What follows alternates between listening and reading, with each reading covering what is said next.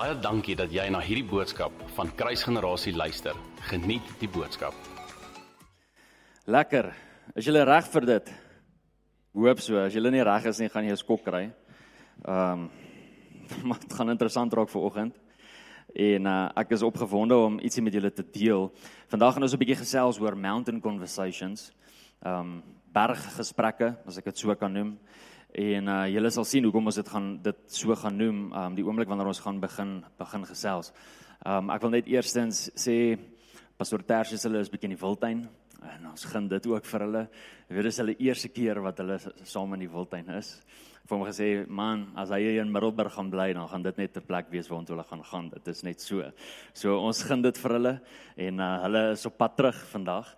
Maar ja, so hulle is bietjie in die wildtuin, so ek maak verskoning vir hom en dan al die manne. Ek wil die manne uitnooi. Môreoggend het ons 'n besigheidsman wat hier by ons is as 'n gasspreker. Julle weet nou al ons het manne wat bymekaar kom elke maandag van 6:00 tot 07:30 net vir daai halfuur om jou week reg te begin. En môre het ons 'n besigheidsman hier wat so bietjie kan kom gesels oor die beginsels wat gemaak het dat sy besigheid in die lockdown tyd gegroei het en nie gekrimp het nie. Sal jy as 'n besigheidsman dit graag wil hoor? Wat is daai wenresep? Ek sou graag wou. So ek nooi jou uit, kom luister 'n bietjie na na dit en en na daai getuienis. En uh dan was daar nog iets wat ek moes geshare het en nou kan ek nie onthou nie. Dit sal iewers opduik. Rikie, ons is so lief vir jou. Jogg, jy is so deel van ons family. Dankie, dankie, dankie, dankie. Julle weet dat uh, Hilaitjie is gebore en hy's nou weer pappa van twee en nie net van een nie. Gaan baie goed met hulle en met Anja. So as jy vir hom 'n uh, 'n uh, ietsie wil gee, dit help hom 'n bietjie nou. Uh, en baby grow of diapers of wat ook al net wat jy voel of 'n geldjie, dit maak ook nie saak nie. Ons onder jou. Dankie vir jou hart.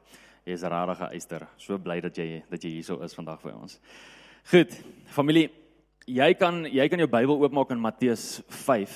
Maar ek gaan spring eers na ehm um, Exodus 19 toe en Ek dink julle weet nou al die oomblik wanneer ek besig is om te bedien dat jy 'n notaboek sal hê en dat jy asseblief goeder sal neerskryf. Dit is so belangrik dat jy na die tyd goeders kan gaan revisit en neer kan skryf wat Heilige Gees vir jou wys. Ek belowe jou vandag wil ek beginsels in jou hart wakker maak wat so belangrik is. Onthou, ons is besig om te gesels oor koninkryk en ons wil koninkryk wakker maak binne in jou hart. Ons het vir so lank stil gestaan by die koning van die koninkryk en nou beweeg ons oor om koninkryksbeginsels te begin verstaan. Ek ek dink julle weet nou al dat daar 'n letterlike koning is wat op 'n letterlike troon sit en dat sy naam Jesus Christus is en dat hy werklik bestaan en dat daar werklike beginsels is in hierdie koninkryk en dat dit nie iets is wat ons opmaak nie dit is nie 'n dis nie 'n sprokiesverhaal nie hierdie is letterlik so en God beloof ons amazing dinge in sy woord die oomblik wanneer ons die beginsels van die koninkryk vasmaak in ons lewens maar ons sal nou daar kom Maar in Matteus 5 6 en 7 staan bekend as die bergprediking. Die bergprediking. Um of the Sermon on the Mount in in Engels. Dis drie hoofstukke waar Jesus letterlik op 'n berg sit en lering gee. En ons gaan nou so 'n bietjie daar gesels. Maar terug na Eksodus 19 toe. Daar's iets profounds wat gebeur die oomblik wanneer God op 'n berg is en met mense praat. As jy reg deur die skrif kyk, kan jy maar gaan kyk. Die oomblik wanneer God op 'n berg is en hy praat, dan kan jy maar notas neem. Dan kan jy maar nou take note. Jy kan regtig maar oplet rondom dit wat hy sê en dit wat hy wil release. En in Eksodus 19 sien ons dat daar 'n amazing gedeelte is waar Moses sy eerste encounter saam met die volk het op 'n berg. OK, saam met die volk op 'n berg. Hoor gou hier, Eksodus 19 vers 16 staan daar en op die 3de dag toe dit môre word was daar donderslae en blitse en 'n swaar wolk op die berg en die geluid van 'n baie sterk bassein sodat die hele volk wat in die laar was gebeef het. Daarop het Moses die volk uit die laar gelei om God te ontmoet en hulle het gaan staan by die voet van die berg en die hele berg Sinaï het gerook omdat die Here in 'n vuur daarop neergedaal het. Hier's 'n berg wat heeltemal brand. Heeltemal omdat die Here soos 'n vuur daarop neergedaal het. Dan staan daar en sy rook het opgetrek soos die rook van 'n oond en die hele berg het vreeslik gebewe. Die hele berg het vreeslik gebewe en toe die geluid van die bassein sterker en sterker word, het Moses gespreek en God het hom telkens hardop geantwoord. En terwyl die Here op die berg Sinai neerdal, op die top van die berg, het die Here Moses na die top van die berg toe geroep en Moses het opgeklim. Daar's so so amazing gedeelte wat wat ons lees van Moses en Moses se verhouding met die Here. En een van die goed wat ons lees van Moses is dat Moses van aangesig tot aangesig met God gepraat het. Julle het dit al raak gelees in die Bybel, staan in Eksodus 33. In Eksodus 33 staan daar dat Moses van aangesig tot aangesig gesels het met God. Maar weet julle wat is so amazing en ek voel maar net om hierdie vir julle vir julle uit te wys en te leer. Dit staan in vers 11 so Eksodus 33 vers 11 dat Moses van aangesig tot aangesig met God gepraat het. En dan in vers 21 en 22 sê God vir Moses, jy kan my nie van aangesig tot aangesig sien nie. Anders sal jy doodgaan. So wat beteken dit? Confusing. Confusing. It's confusing as jy nie weet wat Jesus sê nie. Johannes 1 vers 18 sê Jesus kom en hy sê dat niemand al ooit vir God gesien het nie behalwe die Seun. Niemand het al ooit vir God gesien nie behalwe die Seun. Maar wag 'n bietjie, het jy nou net gehoor dat Moses vir God gesien het van aangesig tot aangesig nie? Staan dit nie so in die Bybel nie? En nou kom Jesus in Johannes en hy sê niemand het al ooit God gesien nie. Dan staan daar in Johannes 6 vers 46 en hierdie is Jesus se eie woorde. Hoor wat sê Jesus? Hy sê nie dat iemand die Vader gesien het nie behalwe hy wat van God afkom. Hy het die Vader gesien. So hier is die groot verklaring wat ons kan maak is dat Jesus Christus die enigste mens op daardie tyd was wat God gesien het van aangesig tot aangesig. So wat beteken Eksodus 33 vers 11 dan? As die woord van die Here sê dat hy met God gespreek het van aangesig tot aangesig, wat beteken dit daar? Dit is eintlik heel eenvoudig. Ons dink is diep, maar dit is nie so diep nie. Die woord sê dat niemand al die Vader gesien het van aangesig tot aangesig nie. Maar Moses het met God van aangesig tot aangesig gesien, maar nie God die Vader nie. God die Seun. Net Jesus, Moses, 'n ervaring met God die Seun en hy spreek met hom van aangesig tot aangesig en dit het gemaak dat Moses ook die groot profesie gemaak het wat gesê het daar kom 'n profeet soos ek. Julle gehoor Moses sê dit. Daar kom 'n profeet soos ek. Moses het van hom geprofeteer. Hoekom het Moses van hom geprofeteer? Want hy het van aangesig tot aangesig met hom in gesprek gestaan met Jesus Christus binne in die Ou Testament. Daai tyd het hy net nog nie die naam Jesus gehad nie. Wanneer het hy die naam Jesus gekry? Sjoe, julle is so stil vandag. Vra ek julle vra, is dit moeilike vrae? Dis nie regtig so moeilik nie. Het die naam Jesus gekry die oomblik toe engel Gabriël aankom en die aankondiging maak. Maria, jy sal swanger word met 'n seun en jy sal hom Jesus noem. En net daar het hy die naam Jesus gekry. In die Ou Testament het hy nie die naam Jesus gehad nie. Wie was hy in die Ou Testament? Ons kan van hom lees van van hom weet as twee name. Die een is die engel van die Here of die tweede een die woord. Die woord. En die oomblik toe die woord vlees word, toe kry die woord 'n naam, Jesus Christus. En die oomblik toe die naam Jesus Christus aan 'n kruis sterf en aan daai kruis hang tot gehoorsaamheid, toe kry hy die naam bo alle name, sodat elke naam gered kan word deur die naam van Jesus Christus. OK, so in die Ou Testament sien ons dat God mens kom ontmoet op die berg. En in Eksodus 20 sien 'n mens dat God kom en net daar die 10 gebooie gee en die wette begin gee. En nou sien ons in Matteus 5, jy's in Matteus 5, nê? Nee? Matteus 5 vers 1 staan daar En toe hy die skare sien, wie's die hy? Jesus. En toe hy die skare sien, het hy op die berg geklim en nadat hy gaan sit het, het sy disippels na hom toe gekom en hy het sy hoor hier sy mond geopen. Wow die oomblik wanneer die woord in wat gemanifesteer is, Jesus, sy mond open, moet jy weet, hier gaan nou iets gebeur. Hier's 'n mooi moment hier. Jesus klim op die berg. Hy sien al die mense wat daar is. Hy roep sy disippels na hom. Die mense kom staan en die gemanifesteerde woord Jesus Christus maak sy mond oop en hy begin mense leer. Dink jy dat dit wat hy gesê het in Matteus 5, 6 en 7 dan belangrik is? O ja. Ek dink dit dra baie krag. Ek dink dit is so so so belangrik. Kan ek vir jou wys waarmee eindig Jesus sy preek op die berg? Spring gou na Matteus 7 toe. Vir jou wys waarmee eindig Jesus sy preek. Matteus 7 vers 24 tot 27. Staan ek gaan vir julle lees in die New King James vertaling. Jesus kom en hy sê die volgende: Therefore whoever hears these sayings of mine and does them, I will liken him to a wise man who built his house on the rock. And the rain descended, the floods came down, and the winds blew and beat on that house, and it did not fall. For it was founded on the rock, but everyone who hears these sayings of mine and does not do them will be like a foolish man who built his house on the sand. And the rain descended, and the floods came, and the winds blew and beat on that house, and it fell, and it was a great fall. And great was its fall. Okay. So hier kom Jesus. Hy preek 'n preek. Dit begin al in Matteus 5 wat hy hierdie preek preek. En as hy klaar is met sy preek, dan sê hy hierdie. So amazing. Is dit nie vir julle amazing om te dink dat 'n gelowige se huis gebou is op die rots nie? Wie is die rots waarop ons huis gebou is? Jesus Christus. 'n Gelowige se huis is gebou op die rots. So dit beteken dat die vloed kan kom en die reën kan val en die huis sal steeds staan. Is dit die waarheid? Wat se gedeelte is dit die waarheid? Is dit sodat 'n gelowige se huis gebou is op die rots? Is dit die waarheid?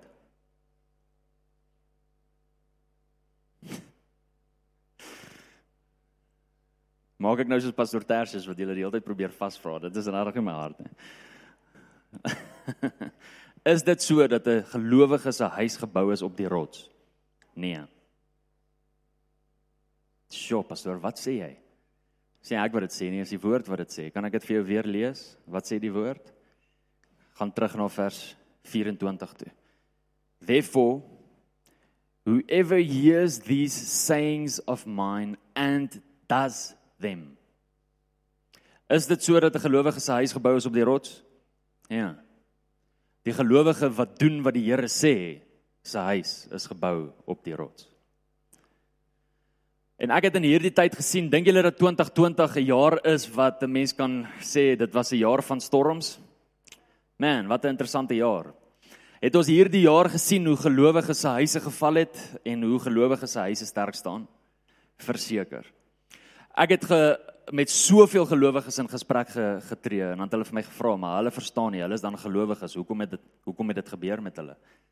Sê ek jou maar, die belofte is nie die belofte hier is nie vir 'n gelowige nie. Die belofte hier is vir hy wat gehoorsaam is aan die beginsels. OK, so hier hier hier kom Jesus. Hy sê die volgende. Hy preek 'n hele preek en dan sluit hy die preek af en hy sê vir hulle die volgende: As jy doen alles wat ek nou vir jou gepreek het, dan kan die storms maar kom, maar jou huis sal bly staan. Die Here sê nie dat die storms nie gaan kom nie. Hoor mooi kind van die Here. Baie van die kinders van die Here is baie verbaas as hulle in 'n storm is. Die Here het nie gesê daar gaan nie storms kom nie. Maar hy het gesê jy gaan oukei okay wees as die storm daar is as jy doen wat hy gesê het. Met ander woorde, as jy die beginsels toepas in jou lewe, as jy op 'n plek is waar jy dit wat hy hier gepraat het, deel maak van jou lewe. Nou hier's die vraag, as Jesus afsluit met hierdie belofte, dink julle dat dit wat hy gesê het in Matteus 5:6 en 7 belangrik is? Hallo. Ja. Dit is belangrik. Dis so belangrik dat as ek dit nie deel maak van my lewe nie, dat dat daar 'n storm kom, my huis kan val. Dis hoe belangrik dit is. So belangrik hierdie goeters is wat Jesus hier gepraat het. En hoeveel goed het Jesus in Matteus 5, 6 en 7 gesê? Menigte. Menigte. so so baie. Ek wil vandag stil staan by een gedeelte en dan gaan ons vir die volgende paar weke bietjie stil staan by Matteus 5, 6 en 7 en ek wil jou uitnooi, gaan lees dit bietjie in jou eie tyd.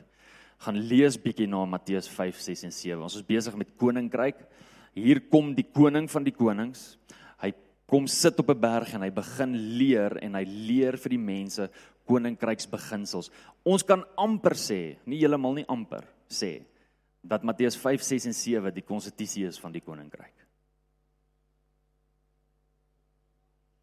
So is belangrik vir ons om hierdie goeders deel te maak van ons lewens. Dis belangrik vir ons om te luister na dit wat Jesus hier sê want hier is ongelooflike baie waarheid hierin wat ons deel moet maak van ons lewens dat sodat wanneer die storms kom, nie as nie, wanneer die storms kom, ons huis steeds staande sal bly.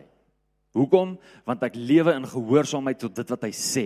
Nie ek hoor dit nie, ek doen dit. Groot verskil groot verskil.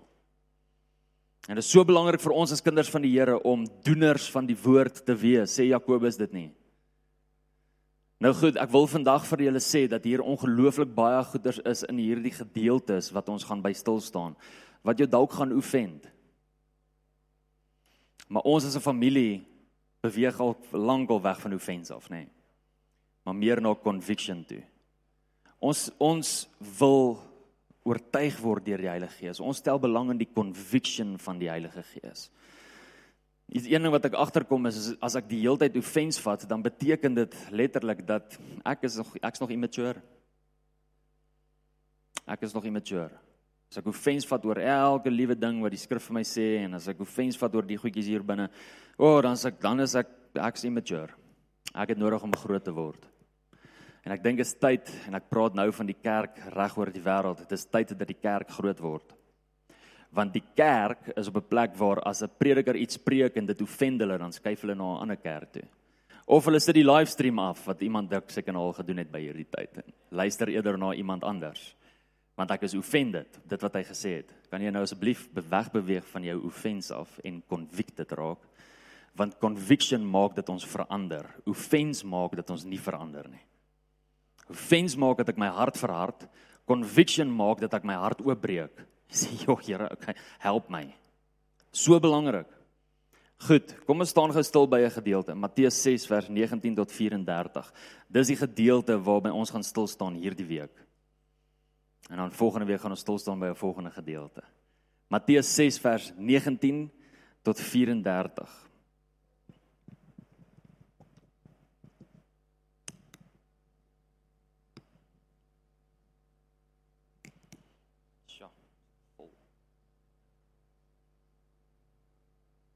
Kyk reg. Ek gaan vir julle lees en dan sal ons 'n bietjie gesels. Want my Bybel is nou nat, die lewende waters het nou op my woord geval. Goed, vers 19. Ja, hierdie is mooi. Moenie vir julle skatte bymekaar maak op die aarde nie. Jesus praat hier, nie Jannie, Jesus praat hier. Moenie vir julle skatte bymekaar maak op die aarde waar mot en roes verniel en waar diewe inbreek en steel nie. Maar maak vir julle skatte bymekaar in die hemel waar geen dief of mot of roes verniel nie en waar diewe nie inbreek en steel nie. Vers 21 want waar julle skat is daar sal julle hart ook wees. Waar julle skat is daar sal julle hart ook wees. Julle dis so belangrik vir ons om te weet dat jou skat is waar jou hart is en nie andersom nie. So met ander woorde, as jy wil hê jou hart moet in 'n ding wees, plaas jou skat daar. Vir hulle weet dat ek wil baie graag as ek weg is vir 'n meeting iewers, dan wil ek terugkom huis toe. Hoekom? Want my vrou is by die huis. Dis my skat. So my hart is daar. Nee, sy's 'n skat vir my. So kom ek haar my skat noem. Dit was diep, hè? Huh? gaan aan. Wie veel weet dat as jy graag gefokus wil hê of as jy wil hê jou aandag moet op 'n plek wees of as jy wil hê dat jy fully invested moet wees op 'n plek, plaas jou skat daar. So groot bewys en hier kom Jesus en hy sê die volgende. Hy sê luister hier. Die aarde gaan verbygaan. Die aarde is nie vir ewig nie. Jou tyd hier op aarde gaan verbygaan. Jy gaan nie vir ewig hier wees nie so belangrik vir jou om nie so gefokus te wees op wat jy alles in hierdie leeftyd kan doen en wat jy alles in hierdie leeftyd bymekaar kan maak sodat jy die heeltyd skatte en skatte en skatte bymekaar maak nie maar eerder om jou skatte daar te plaas sodat jou hart ook daar kan wees. As Jesus dit sê, dink julle dit is dan moontlik vir ons vir ons harte om nie daar te wees nie, maar ons harte om hier te wees? Kan ek julle toets? As Jesus vandag terugkom, sal jy wees, hoe sal jy wees? Hoe wat sal jou gesindheid wees? Nee, Here, maar ek ek wou nog dit gedoen het en ek kon nie dit doen nie. Nee, nee, nee, Here, ek ek het nog hierdie droom gehad. Nee, Here, ek ek het nog nie dit gesien nie. Ek het nog nie dit beleef. Ek wou nog trou. As Jesus vandag moet terugkom, hoe sal jy respond? Want dis 'n bewys van waar jou hart is. Dis 'n bewys van waar jou hart is. Vers 22 sê hy, onthou nou die konteks van hierdie want o, oh, kan predikers hierdie uit konteks uitdruk. Onthou nou die konteks. Jesus praat van skatte en hy praat van die hemel en hy praat van aardse besittings en nou sê hy in vers 22, die lamp van die liggaam is die oog. En as jou oog dan reg is, sal jou hele liggaam verlig wees, maar as jou oog verkeerd is, sal jou hele liggaam donker wees.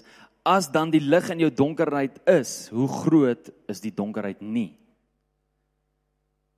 Vers 24: Niemand kan twee here dien nie, want of hy sal die een haat en die ander lief hê, of hy sal die een aanhang en die ander verag. Jy kan nie God en Mammon dien nie.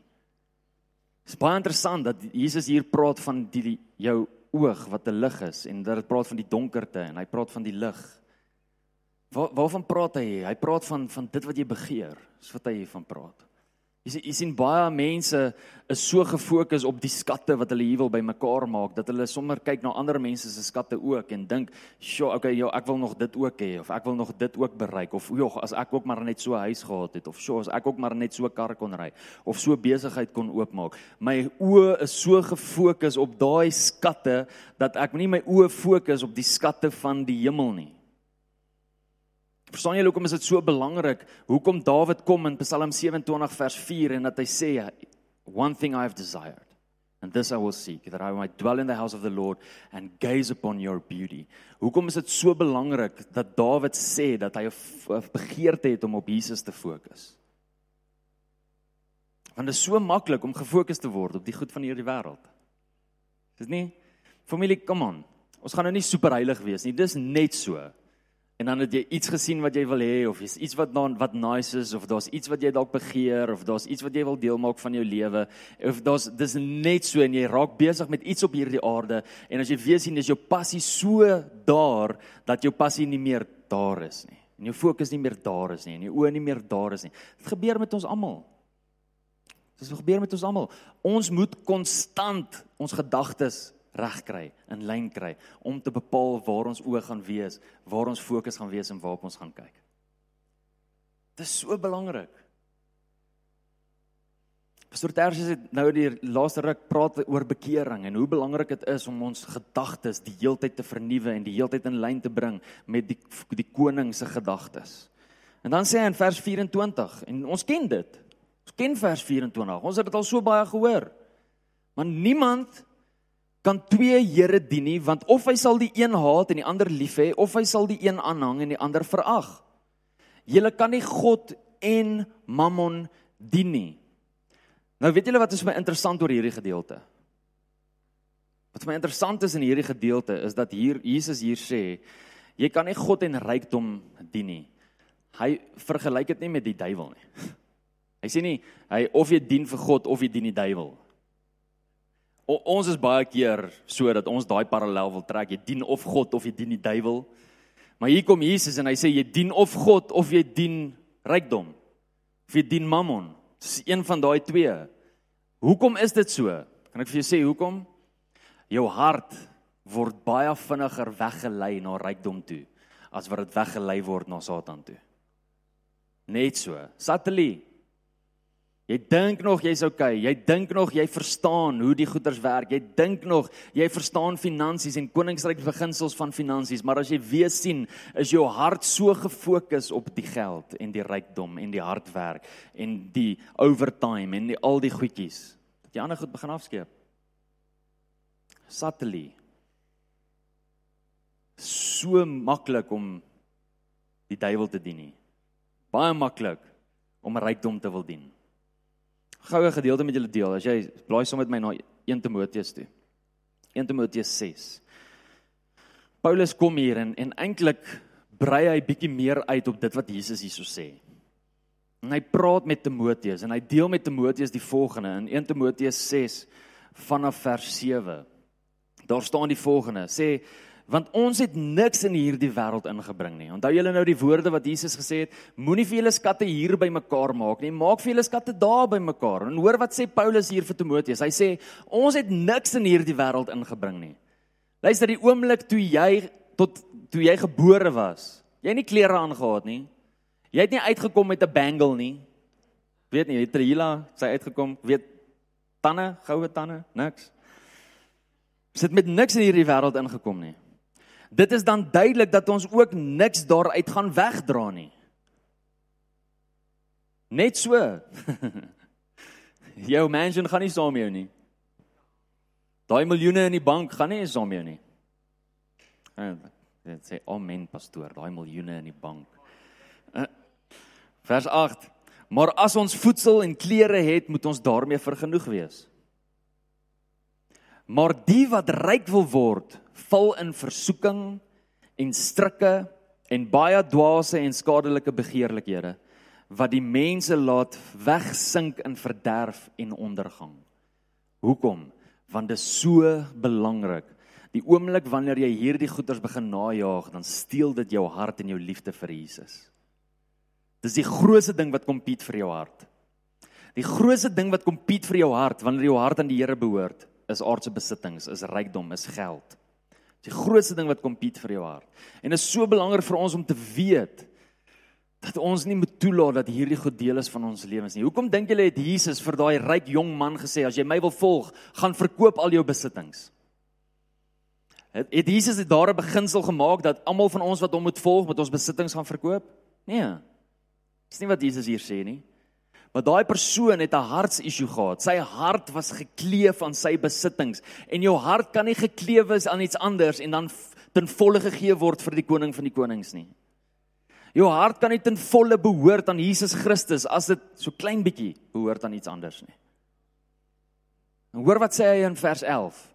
Vers 11 sê hy die volgende: Maar jy, man van God, vrou van God, vlug van hierdie dinge weg Moenie begeerte om ryk te wees najaag nie.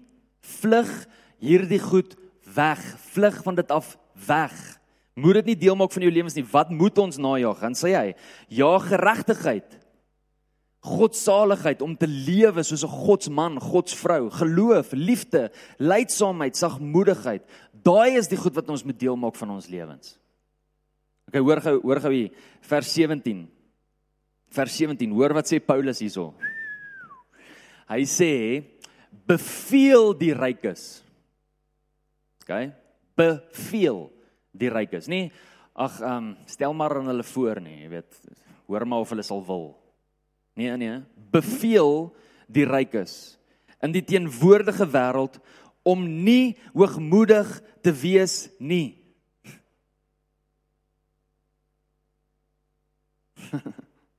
As jy die Bybel reg verstaan, dan sien jy dat elke goeie gawe kom van God af. Dit wat jy het, is nie as gevolg van jou talent nie, is nie as gevolg van jou harde werk nie, is nie as gevolg van guns wat jy self gekry het nie, is nie as gevolg van jou mooi besigheid nie. Dit wat jy het, kom van God af.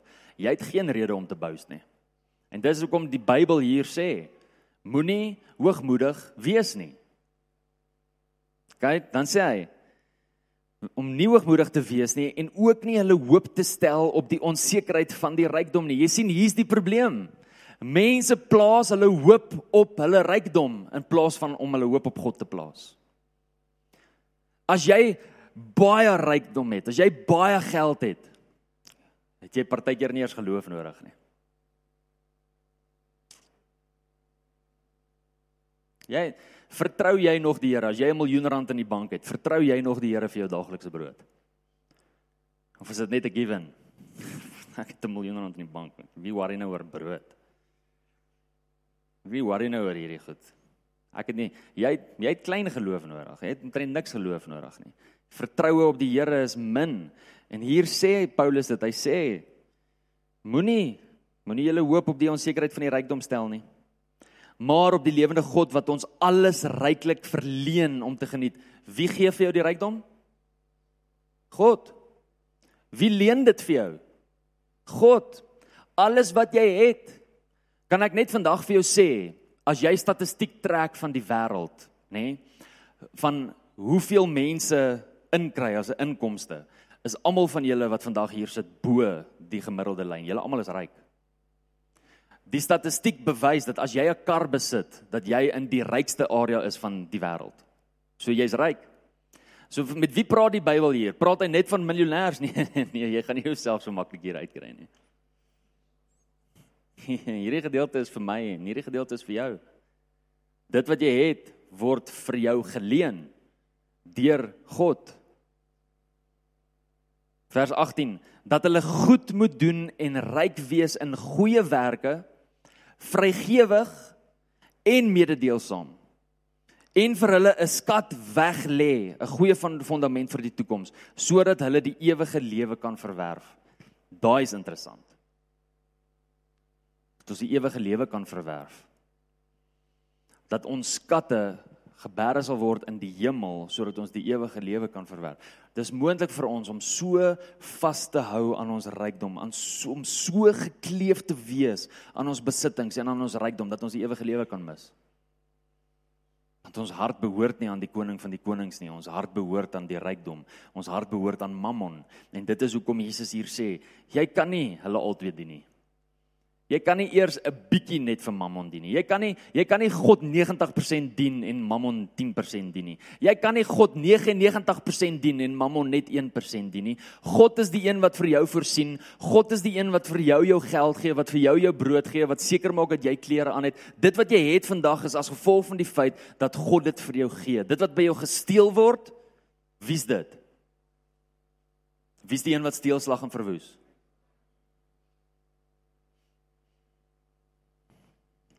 Ek kyk terug na Matteus 6 toe. Jy kan nie God en Mammon dien nie. En daarom sê ek vir julle. Onthou nou, hier's 'n koning wat praat met mense. Jesus Christus, koning van 'n koninkryk, 'n letterlike koninkryk. Hierdie is wat vir die, wat hy vir die mense sê. Daarom sê ek vir julle, moenie julle kwel oor julle lewe nie wat julle sal eet en wat julle sal drink en of oor julle liggaam wat julle sal aantrek nie is die lewe nie meer as die voedsel en die liggaam en as die klere nie. Is die lewe nie meer as dit nie? As die lewe meer is as dit hoekom is dit die grootste rede hoekom jy stres elke maand? Oor jou finansies. Hoekom? Vers 26 kyk na die voëls van die hemel. Hulle saai nie hulle maai nie en hulle bring nie by mekaar in skure nie en tog word hulle gevoed deur die hemelse Vader. Is julle nie baie meer werd as wat hulle nie is nie? Die antwoord is ja, as jy net as jy gewonder het. Vers 28.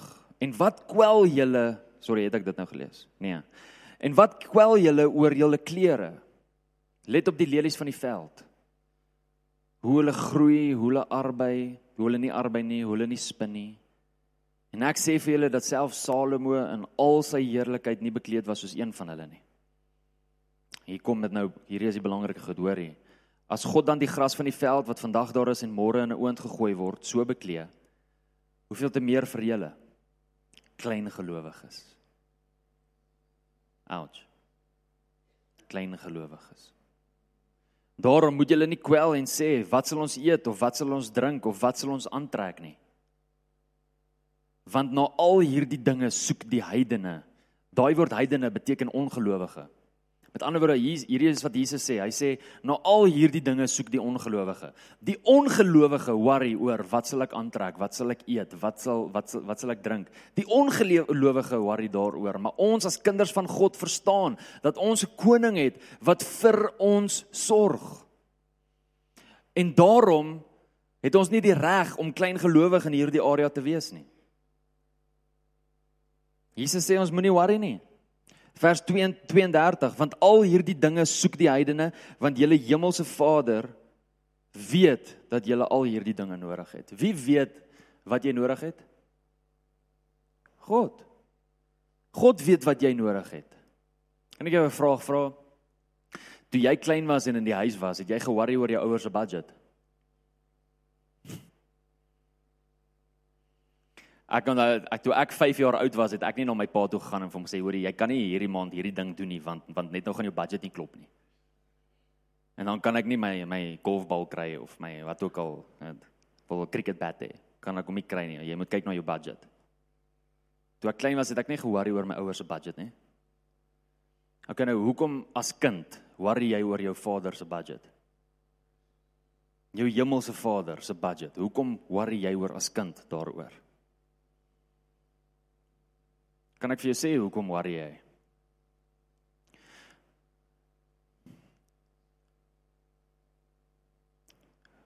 Diep binne in jou wese, diep binne hier binne in jou hart, weet jy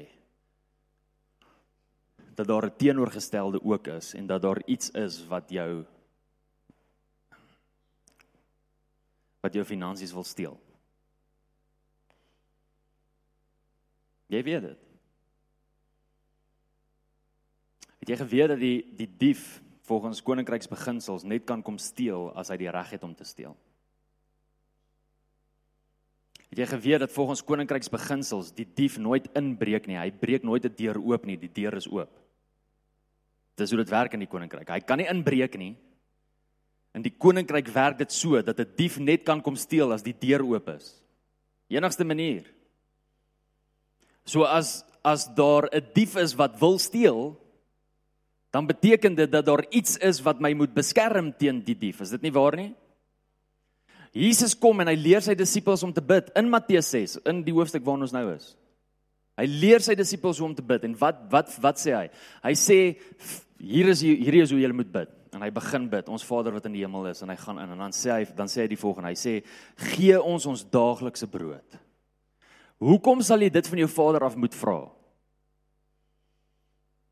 want daar's iets wat wil maak dat jy nie jou daaglikse brood kry nie. Anders sou jy dit nie hoef te gevra het nie. Nee ek nee waar sê jy hierdie goeters uit? Kyk kom ek wys jou. Okay Jesus sê dit verder in die in die onsse Vader in die disippels se gebed staan daar in vers 13 sê en lei ons nie in die versoeking nie maar verlos ons van die bose. Het jy gesien dat die woord bose daar in 'n hoofletter is? Dit sien, kyk. Dis 'n hoofletter. Daai bose is 'n iemand. Dis 'n iemand. Daai woord bose daar is die Griekse woord poneiros. P O N E R O S, Poneiros. Weet julle wat beteken dit? Dit beteken die volgende. Dit bet Dankie. Dit beteken sonde, siekte, armoede. Beteken die woord Poneiros, die vrug van dit is die volgende. Poneiros, die oomblik wanneer Poneiros 'n in, invloed het op jou lewe, dan beteken dit dat jy werk, maar jy kry nie vrug op dit wat jy werk nie. Dit beteken jy toil en jy sit alles in, maar daar's net niks vrug nie. Jy kry nie deurbraak nie. Dis wat Poneiros is. Dis armoede. Dis 'n gees wat letterlik teen jou opstaan. Dis hoekom Jesus hier sê, bid, sê Here, verlos ons teen die bose, verlos ons teen Poneiros. Here, verlos ons teen siekte, verlos ons teen armoede, verlos ons teen sonde. Help ons. Hier's iets wat teen my wil kom. Die dief wat wil steel, slag en verwoes wil teen ons kom. Nou goed. Gewoonlik gewoonlik as 'n mens Maleagi toe blaai dan slaan die mense se ore toe. Kom ons kyk of dit vandag ook so is. Maar Maleagi 3 vers 11 sê die volgende. In die Engels ag in die Afrikaans staan daar ek sal die springkaan afweer. OK? Maar nie glo nie kom ek lees vir jou. Ek sal ook die springkaan vir julle afweer. staan so in die 53 vertaling. In die in die New King James staan daar and I will rebuke the devourer for your sakes. As jy gaan kyk na die Hebreëse woord vir die woord springkaan daar, dan beteken dit glad nie springkaan nie. Daar gaan nie letterlik 'n goggo kom wat jou blaarslaai kan kom eet nie. Waar's Pastor Tuis? Hy het 'n baie nice tuin. Jy moet 'n bietjie gaan kyk. Dit is regtig. Daar gaan nie letterlike springkaan kom nie. Hierdie is 'n geestelike ding. En hoor wat sê God hier? And I will rebuke the devourer. Okay, vir wie tel hierdie hierdie belofte? Nee. vir die wat gehoorsaam is. Gehoorsaam is aan wat? Gehoorsaam is aan tiende beginsels. Gehoorsaam is aan koninkryksbeginsels om geld te kan gee, om in te kan saai, om 'n verklaring te kan maak. Het jy geweet dat as jou hart is om tiende te betaal, dat jy die volgende verklaring maak dat God meer met 90% kan doen as wat jy met 100% kan doen? Dis jou verklaring. Die oomblik wanneer jy tiende gee, dan verklaar jy dat God meer kan doen met jou finansies as wat jy ooit kan doen met jou finansies. Dis jou verklaring. Want jy verstaan, soos wat ons nou net in 1 Timoteus 6 gelees het, dat dit wat hy vir ons gegee het, het hy vir ons geleen. Dit kom van hom af. En dan kom hy en hy sê dat hy die spring springkans sal afweer. Okay, nou hoor gou die volgende. God sê nie hier dat hy vir ons die mag gee om die springkant te afweer af te weer nie. Die woord sê nie hier dat hy vir ons die mag gee om om die die um devourer te rebuke nie. Nee nee nee, dis nie wat die woord hier sê nie. Die woord sê and I will rebuke the devourer. En ek sal die springkaan afweer. God sal dit, daai geestesding, daai bose waarvan ons bid in Matteus 6. God sal die een wees wat dit afkeer. God sal die een wees wat hom wegstaan. So as dit God verg om dit weg te keer Sal jy dit kan doen? Sal jy dit kan doen? Maar hier is jou verklaring as jy nie tiende betaal nie en ek sê hier uit liefde uit vir jou. Jou verklaring as jy nie tiende betaal nie is die volgende. Ek sal die springkon afweer. Ek sal okay wees. Niks sal by my kom steel nie. Ek sal bly staan. My finansies sal fyn wees. Ek sal die springkon afweer. Dis wat jy sê, dis jou verklaring wat jy maak. En ek wil vandag vir jou sê ek wil nie eers 'n oop deur los vir daardie ding om te kom nie. Ek wil nie eers 'n oop deur los nie. Ek wil nie eers 'n oop deur los vir daai ding om te kom steel by my nie. Vers 33 sê Jesus, maar ons is nou terug by Matteus 6. Matteus 6:33. Julle ken dit. Soek eers die koninkryk van God en sy geregtigheid en al hierdie dinge sal by jou bygevoeg word. Al hierdie dinge sal vir julle bygevoeg word. Het jy geweet hier dat die implikasie die woorde soek eers die koninkryk, die implikasie van dit is soek om te implementeer. Nie soek om te vind nie, soek om te implementeer. Soek die koninkryk om dit te implementeer, om dit deel te maak. Daar's sekere beginsels van die koninkryk wat ons moet implementeer, wat moet deel wees van ons lewens. Jy kan nie net weet daarvan nie, jy kan nie net hoor daarvan nie, jy moet dit doen. Implementeer dit. Dit is wat die woord hier soek die koninkryk. Jy soek dit om dit te implementeer. En dan sê Jesus die volgende: Al hierdie goed sal by jou bygevoeg word. So hy sê, Moenie jou bekommerd oor al hierdie goeters nie. Ek is koning oor jou lewe. En as koning het ek 'n hart vir jou. En as koning wil ek hê dat jy moet kos hê en dat jy moet klere hê en dat jy iets moet hê om te drink. As koning is dit my hart vir jou. Maar moenie daai goed soek nie. Soek my as koning.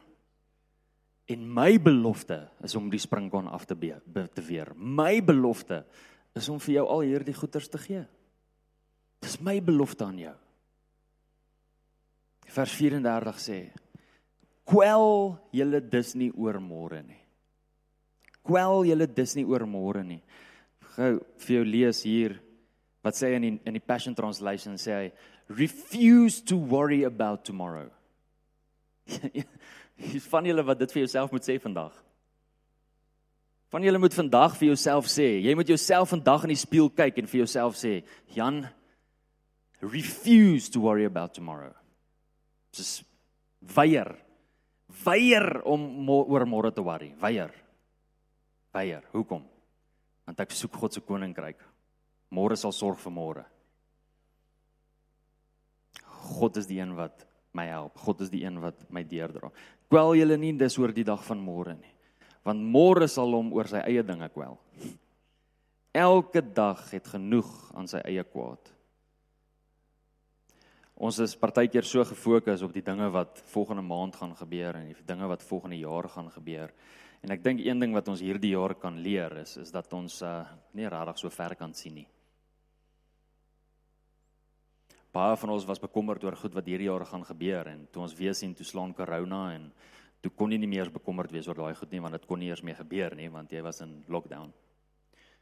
En jy het vir nie daaroor ge-worry en toe jy weer sien toe worry jy is nou sommer oor ander goeters. Dit help jou nie om Celeste lag lekker vir my. Dit help jou nie om jouself te worry oor môre nie want jy weet nie wat môre gaan gebeur nie. Jy weet nie. I don't know what the future holds, but I know who holds the future. Nee. En dit is so belangrik vir ons kinders van die Here om seker te maak dat hierdie koninkryksbeginsels deel is van ons lewens, want die oomblik wanneer ons dit doen, dan verloor ons die reg om bekommerd te wees oor ons finansies. Ek oh, weet julle hoe lekker sal dit wees om net te worry oor finansies nie. Jy's jy sal die hele tyd met 'n smile op jou gesig loop. Ja, jy wat so ernstig lyk, jy sal smile. Want jy worry nie oor die finansies nie. Jy weet net ag die Here gaan vir my voorsien. Dit gaan net elke keer daar wees. Die deurbraak gaan kom. Jou besigheid gaan die deurbraak gaan kom. Wie dien jy? Wie dien jy? Wie plaas jy eerste? Moenie verwag dat die deurbraak gaan kom as jy hom nie eerste plaas nie. Moenie verwag nie. Moenie moenie moenie verwag dat die voorsiening daar gaan wees as jy hom nie eerste plaas nie. Moet dit nie verwag nie. Jesus praat baie duidelik hier. En hy sê vir ons baie duidelik wat ons moet doen. En ek het vir julle gelees in Matteus 7. Hy wat doen wat ek sê. Gehoorsaamheid is juis dit wat maak dat wanneer die storms kom, die huis staande sal bly. Dis 'n belofte van God af. En weet jy dat die oomblik wanneer God daai belofte maak dat jy nie die een is wat dit hoef te dra nie. Dis nie jou verantwoordelikheid dan nie, want jy doen wat hy sê. Die konsekwensies van van dit wat jy doen is op hom, want jy doen wat hy sê. Maar as jy doen wat jy wil doen, is die konsekwensies op jou. Sjoe, dis 'n groot ding om oor te dink, né?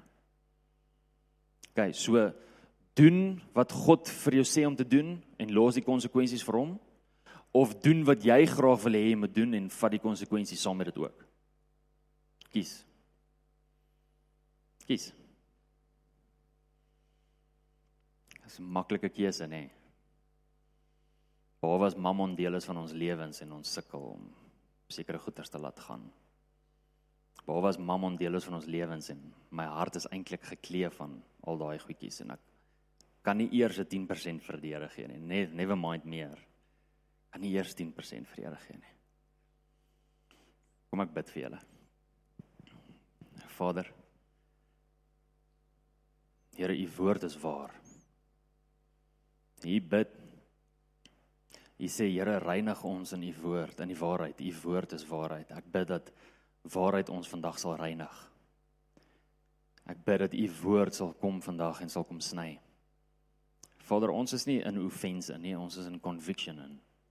En ek bid dat as mense vandag offended is, dat hulle convicted sal word. Vergeet van offense. Maar dat hierdie conviction iets sal maak in ons lewens, Here, dat dit ons sal oorvat na aksie toe. Om te weet dat hierdie is goddelike beginsels. Hierdie is koninkryksbeginsels. Hierdie is goed wat U wil hê ons moet deel maak van ons lewens sodat dit met ons kan goed gaan. Dis tot voordeel van ons, nie tot U nie, tot ons.